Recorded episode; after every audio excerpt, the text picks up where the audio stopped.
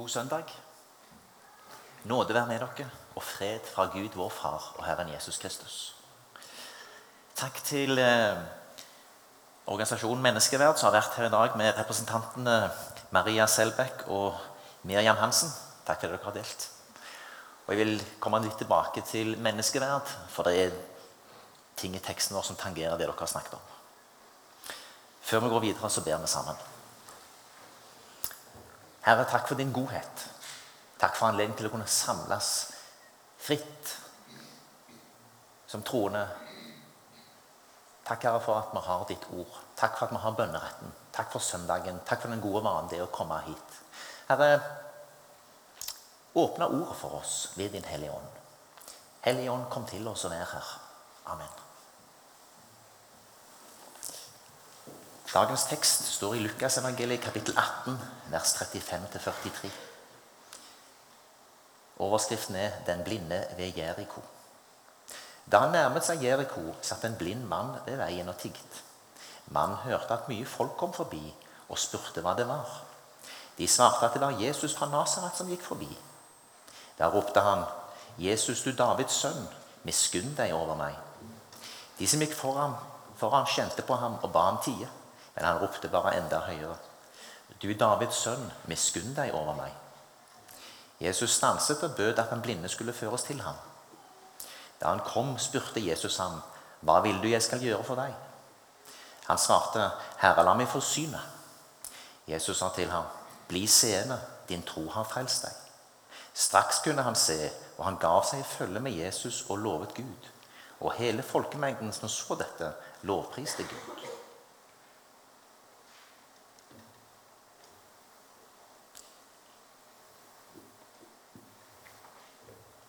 Jesus har i avsnittet før gjort det klart for sine disipler at nå skal de gå opp til Jerusalem.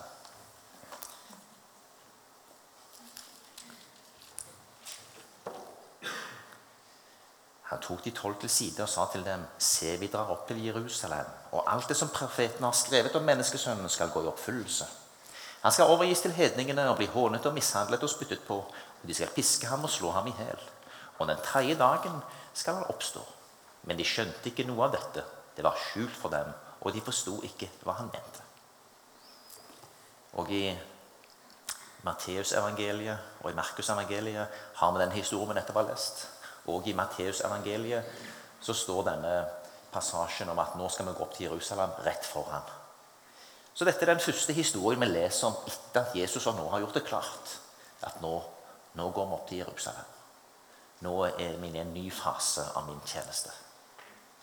Og Den første historien vi får med oss etter at Jesus satt dette, det er den historien vi nå har lest.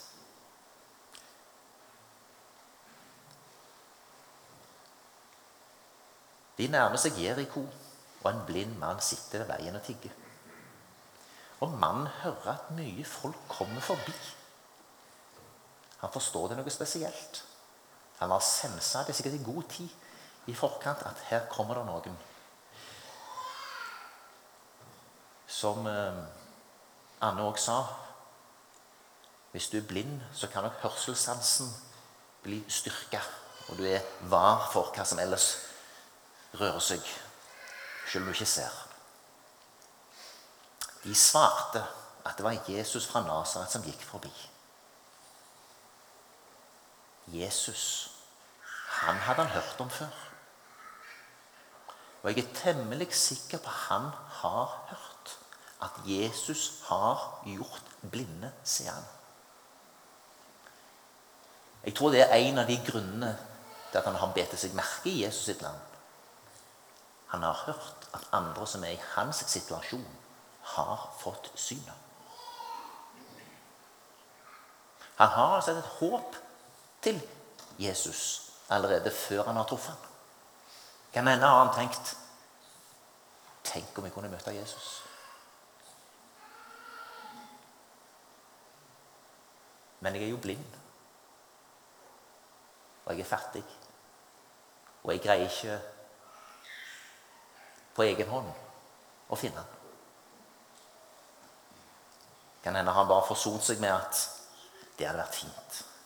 Men det er jo ikke alle mennesker som møter ham Det er jo ikke alle blinde som får den anledningen. Men nå er han her.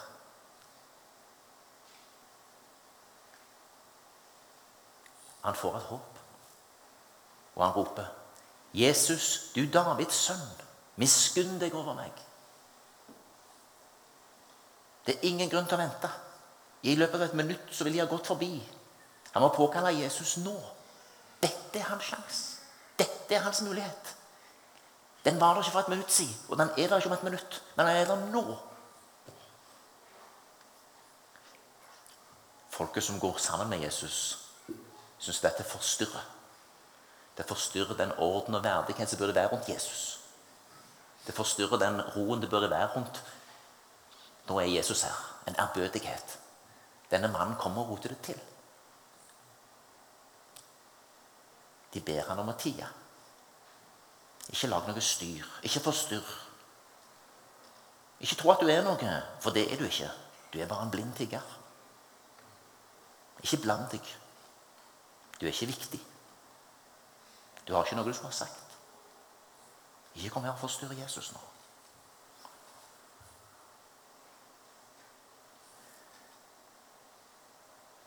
Har du opplevd at når du møter motstand, så blir du bare ivrigere? Av og til så møter vi motstand. Og av og til trigger den motstanden faktisk en iver i oss. Jeg har erfart det sjøl. I enkelte sammenhenger så er det akkurat som Gud sjøl legger til rette for den motstanden, for at den iveren din skal komme fram.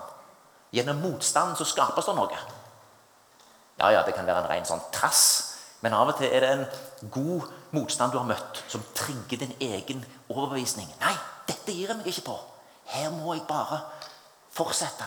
Og han roper enda høyere. Han nekter å akseptere at han skal tvinges til taushet. Han protesterer. Kanskje er han òg litt fortvila over at noen prøver å tie ham i hjel og ta fra han hans mulighet.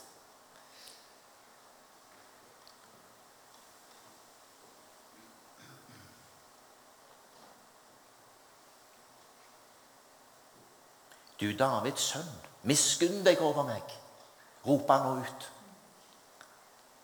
Og Jesus stans. Og bød at den blinde skulle føres til ham. Og Så kommer dette fine spørsmålet fra Jesus. Hva vil du jeg skal gjøre for deg? Hvorfor spør Jesus? Er det ikke åpenbart allerede hva den blinde vil? Spør Jesus om ting han vet? Ja, men han vil at den blinde sjøl skal formulere hva som er hans behov. Den blinde har først sagt 'Herre, miskunn deg'. Jesus, du Davids sønn, miskunn deg over meg. Men han vil at den blinde skal være enda tydeligere. Sånn er det med Jesus. Han vil ha oss i tale. Han vil høre hva vi sier.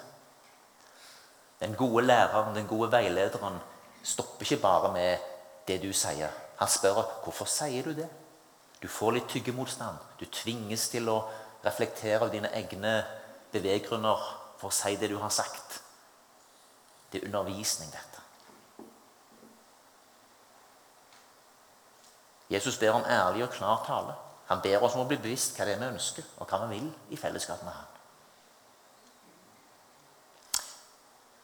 La oss ta en liten øvelse nå. Dette spørsmålet som Jesus stiller til den blinde.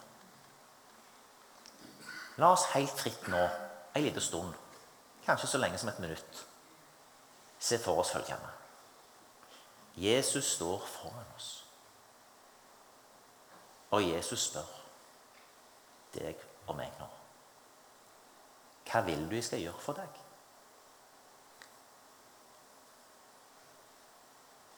Dette spørsmålet. Bli deg bevisst at Jesus spør deg om dette. Bli deg bevisst at Jesus ønsker å ha deg i tale.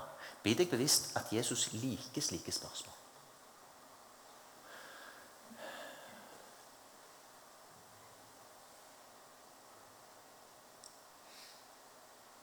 Hva vil du at jeg skal gjøre for deg? spør Jesus deg nå. Reflekter litt over det, hva det betyr i ditt liv. Vi tar litt stillhet til det nå.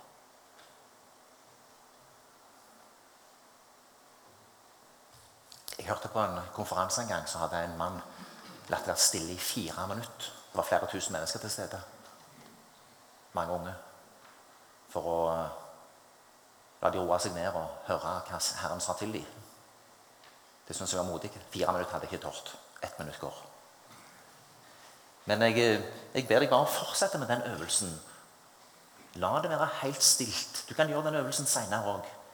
Se Jesus for deg der Jesus med sitt milde blikk, sitt nådige tilstedeværelse, spør deg hva vil du jeg skal gjøre for deg? Han liker å stille sånne spørsmål, og han liker å få sitt tale. For den blinde så er det greit. Han sier, 'Herre, la meg få synet'. I 1930-oversettelsen til Bibelselskapet så står det 'Herre, at jeg må bli seende'.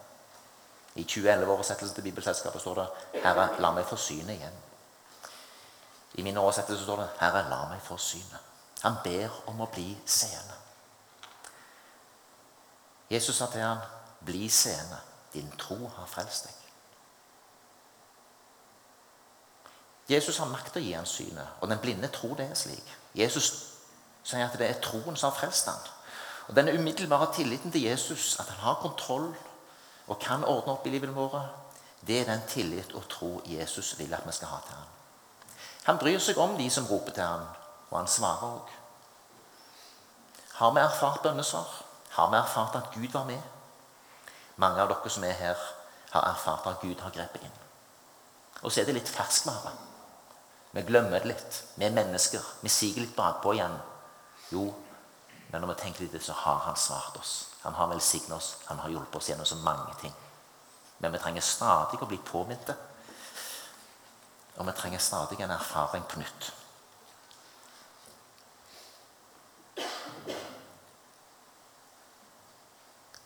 Men vi har kanskje erfart at Gud ikke svarte slik som vi hadde forestilt oss. Han gjorde noe annet. Noe mer enn det vi ba om svar på. Og så må vi erkjenne det er ikke alt vi opplever har fått svar på til denne dag. Det finnes et gap mellom våre ønsker og det vi kommer til Jesus med, og det vi erfarer. Det er ikke alt vi ser og forstår.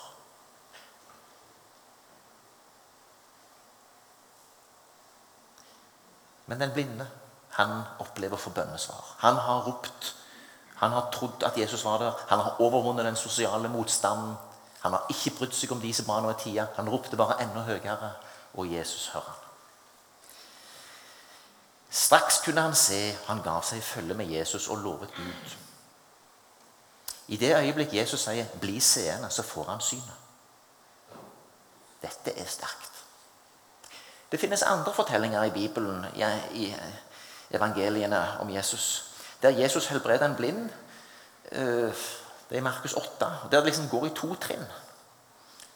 Den blinde i Betzaida. De kom til Betzaida, og noen førte en blind mann til Jesus og ba ham røre ved mannen.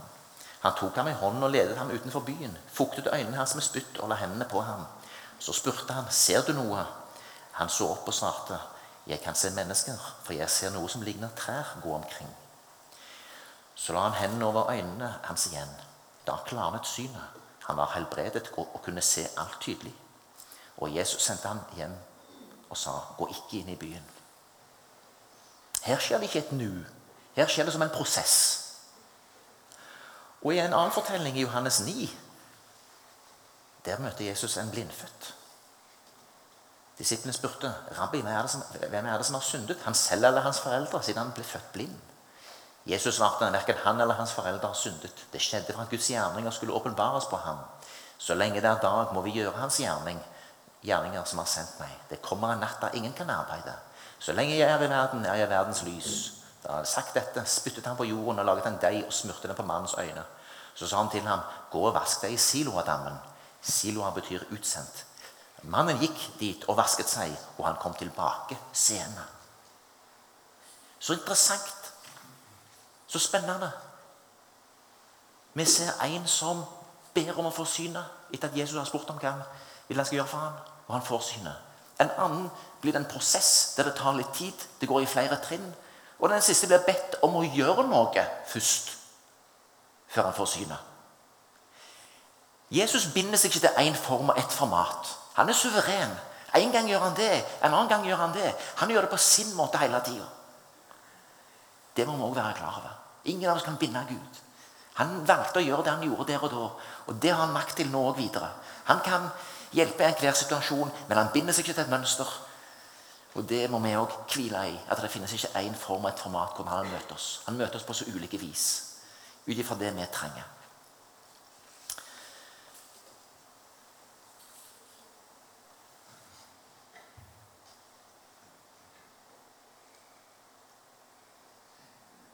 Det er mange ting vi kan plukke opp og lære av i denne teksten.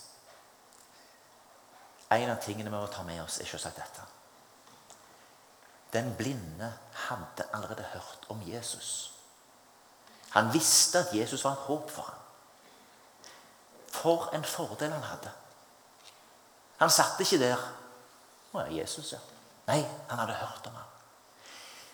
Så bra for han at han hadde hørt om Jesus. Så bra at han hadde festa seg et håp hos ham om at Jesus kan hjelpe meg. Dette håpet er blitt sådd inn i mange av dere som er her fra ganske unge år. Dette håpet prøver vi i dag å så inn i de unge i søndagsskolen og i ulike grupper. Dette håpet håper vi sås inn i de unge på lørdagskvelden. Dette håpet sås inn i på leirer som vi driver i Misjonssambandet. Dette håpet sås inn i misjon. Det er ikke alle som blir troende umiddelbart. Men tenk for en styrke det er å få vite at Jesus er et håp. Slik at du kan rope til Jesus den dagen du ser at du trenger Det å formidle dette håpet er en oppgave vi som misjonsorganisasjon har vært med på i 130 år. Så hører vi en fantastisk historie fra Kina om den himmelske mann. Der faren blir syk, og mora sier 'Jeg har hørt om en som kan hjelpe'. Jeg hørte fra misjonærene som nå for veldig mange år siden blitt sendt ut av landet vårt. Vi kan be til Jesus. Og de ligger ei hel natt og ber. Jesus gjør far frisk. Og Jesus svarer bønnen. Og han blir siden en stor misjonær som har blitt til velsignelse over hele verden. Fordi ei ung dame hadde fått høre om Jesus, og han representerte et håp. Dette håpet er vårt kall å formidle videre. Dette håpet er det misjon dreier seg om. Og Dette håpet eksemplifiseres også i denne historien. For håpet var etablert. Han kunne komme fram for Jesus med sin nød. Han kunne rope til ham i sin fortvilelse, og Jesus skulle stoppe hans svare. Derfor må man aldri bli lei av å formidle dette håpet i så mange formater. Vi vil ikke nødvendigvis se at det gir frukt, men det gir frukt i sin tid. Det forteller også denne historien. Derfor er, som en tante av meg på 90 år sier, Kristoffer Inge, dette med misjon, det er noe helt fantastisk. Og det er bra sagt. Dette med misjon, det er noe helt fantastisk. Og det er fint å være med på, og det får vi lov til å være med på, og vi kan eh, glede oss over å være en misjonsforsamling. Og vi lar det synke, synke ned oss. Dette med neste generasjon, som vi har hatt et fokus på hittil uh, dette året i Salem. Det er en del av Misjonssambandet uh, strategi at evangeliet skal bringes ut til neste generasjon. Det er viktig å etablere et håp hos de unge, og at du alltid kan søke deg til Jesus. Det er viktig at vi på ulike måter formidler dette håpet. La oss be om at vi i vår forsamling får være med og gi dette håpet til både til våre egne eh, som går her i forsamlingen, de unge, og eh, til andre unge som trenger det. Videre La oss ikke påvirke mennesker som ber oss om å tie eller stilne. La oss fortsette å rope både til og ut etter navn. La bare motstand gi oss en iver, som de fra Menneskeverd formidler her. Det er en økende motstand mot de grunnleggende verdier som har levd så selvfølgelig for folk så lenge. Nå er det viktig å støtte sånne organisasjoner som Menneskeverd og andre for at stemmen skal være der.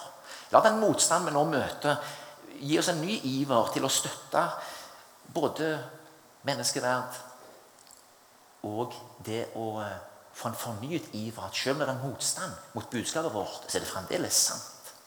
La motstanden bli en velsignelse til at vi, vi fortsetter å søke Herren og lar motstanden bli noe som styrker oss.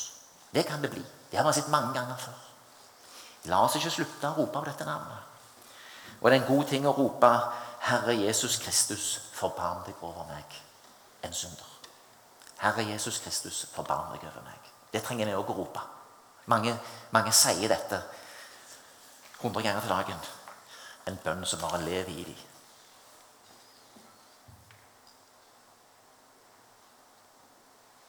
Og igjen hva vil du jeg skal gjøre for deg? Et enkelt spørsmål fra Jesus. Han vil ha oss i tale. Han vil sette ord på våre ønsker, lengsler, drømmer og håp. Han vil at vi skal sette ord på dem sjøl. Ord former og kan forplikte, men han vil ha oss i tale. Han vil ha tydelig tale for oss. Sannhetens ånd skal virke det. La oss være tydelige og klare og bli bevisste i så mange aspekter i vår samtale med Herren. Og videre dette La oss lære av Jesus. La oss lære av det mønster vi ser når han nå kommer og treffer denne blinde. Han hører, legger merke til, han er sense, og han er var for denne mannens rop. Han stopper opp. Han bryr seg. Han lar mannen komme nær, den blinde. Han kommer nær. Han stiller spørsmål og er interessert. Han lytter, han handler. Han velsigner, han gir håp, og han gir frelse.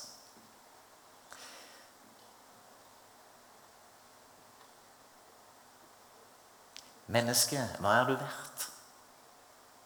er en tittel på ei bok av Francis Schaeffer. Det er den norske tittelen. Mennesket har uendelig verdi. Og Jesus viser i denne historien at det enkelte mennesket, om du er blind eller har en eller annen plage eller et eller annet som andre mennesker vil nedvurdere deg på, så gjør ikke Jesus det. For med ethvert menneske er det sant, det som eh, vi kan lese ut fra 1. Mosebok kapittel 1, vers 26.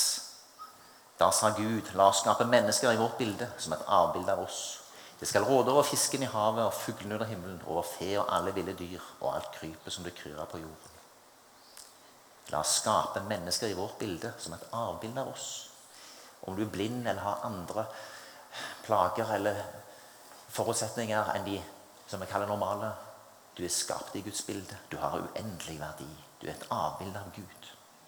La oss ikke glemme det. La oss ta med oss dette med barmhjertighet. La oss ta med oss dette med at Jesus ser. Og kan hende kunne det bli en bønn for oss denne sangen til visesangeren Sølvi Hopland 'Herre, gi meg dine øyne', så jeg ser når andre har det vondt. Herre, gi meg dine øyne, så jeg kan skimte smerte gjennom smil. Herre, gi meg dine ører, så jeg hører hjertets stille gråt. Herre, gi meg dine ører, så jeg kan høre tause rop om hjelp. Herre, gi meg din munn som sier ord som gleder, ord til oppmuntring, ord til trøst, ord som gir håp. Herre, gi meg dine hender, som alltid mot alle har strakt ut, som klapper ei nedtyngd skulder, som stryker bort et hode, som gir og tar imot. Herre, gi meg av ditt hjerte, så jeg lir med mennesket som lir, så jeg gleder meg med det glade, så at jeg kan elske. Elske slik som du. Amen.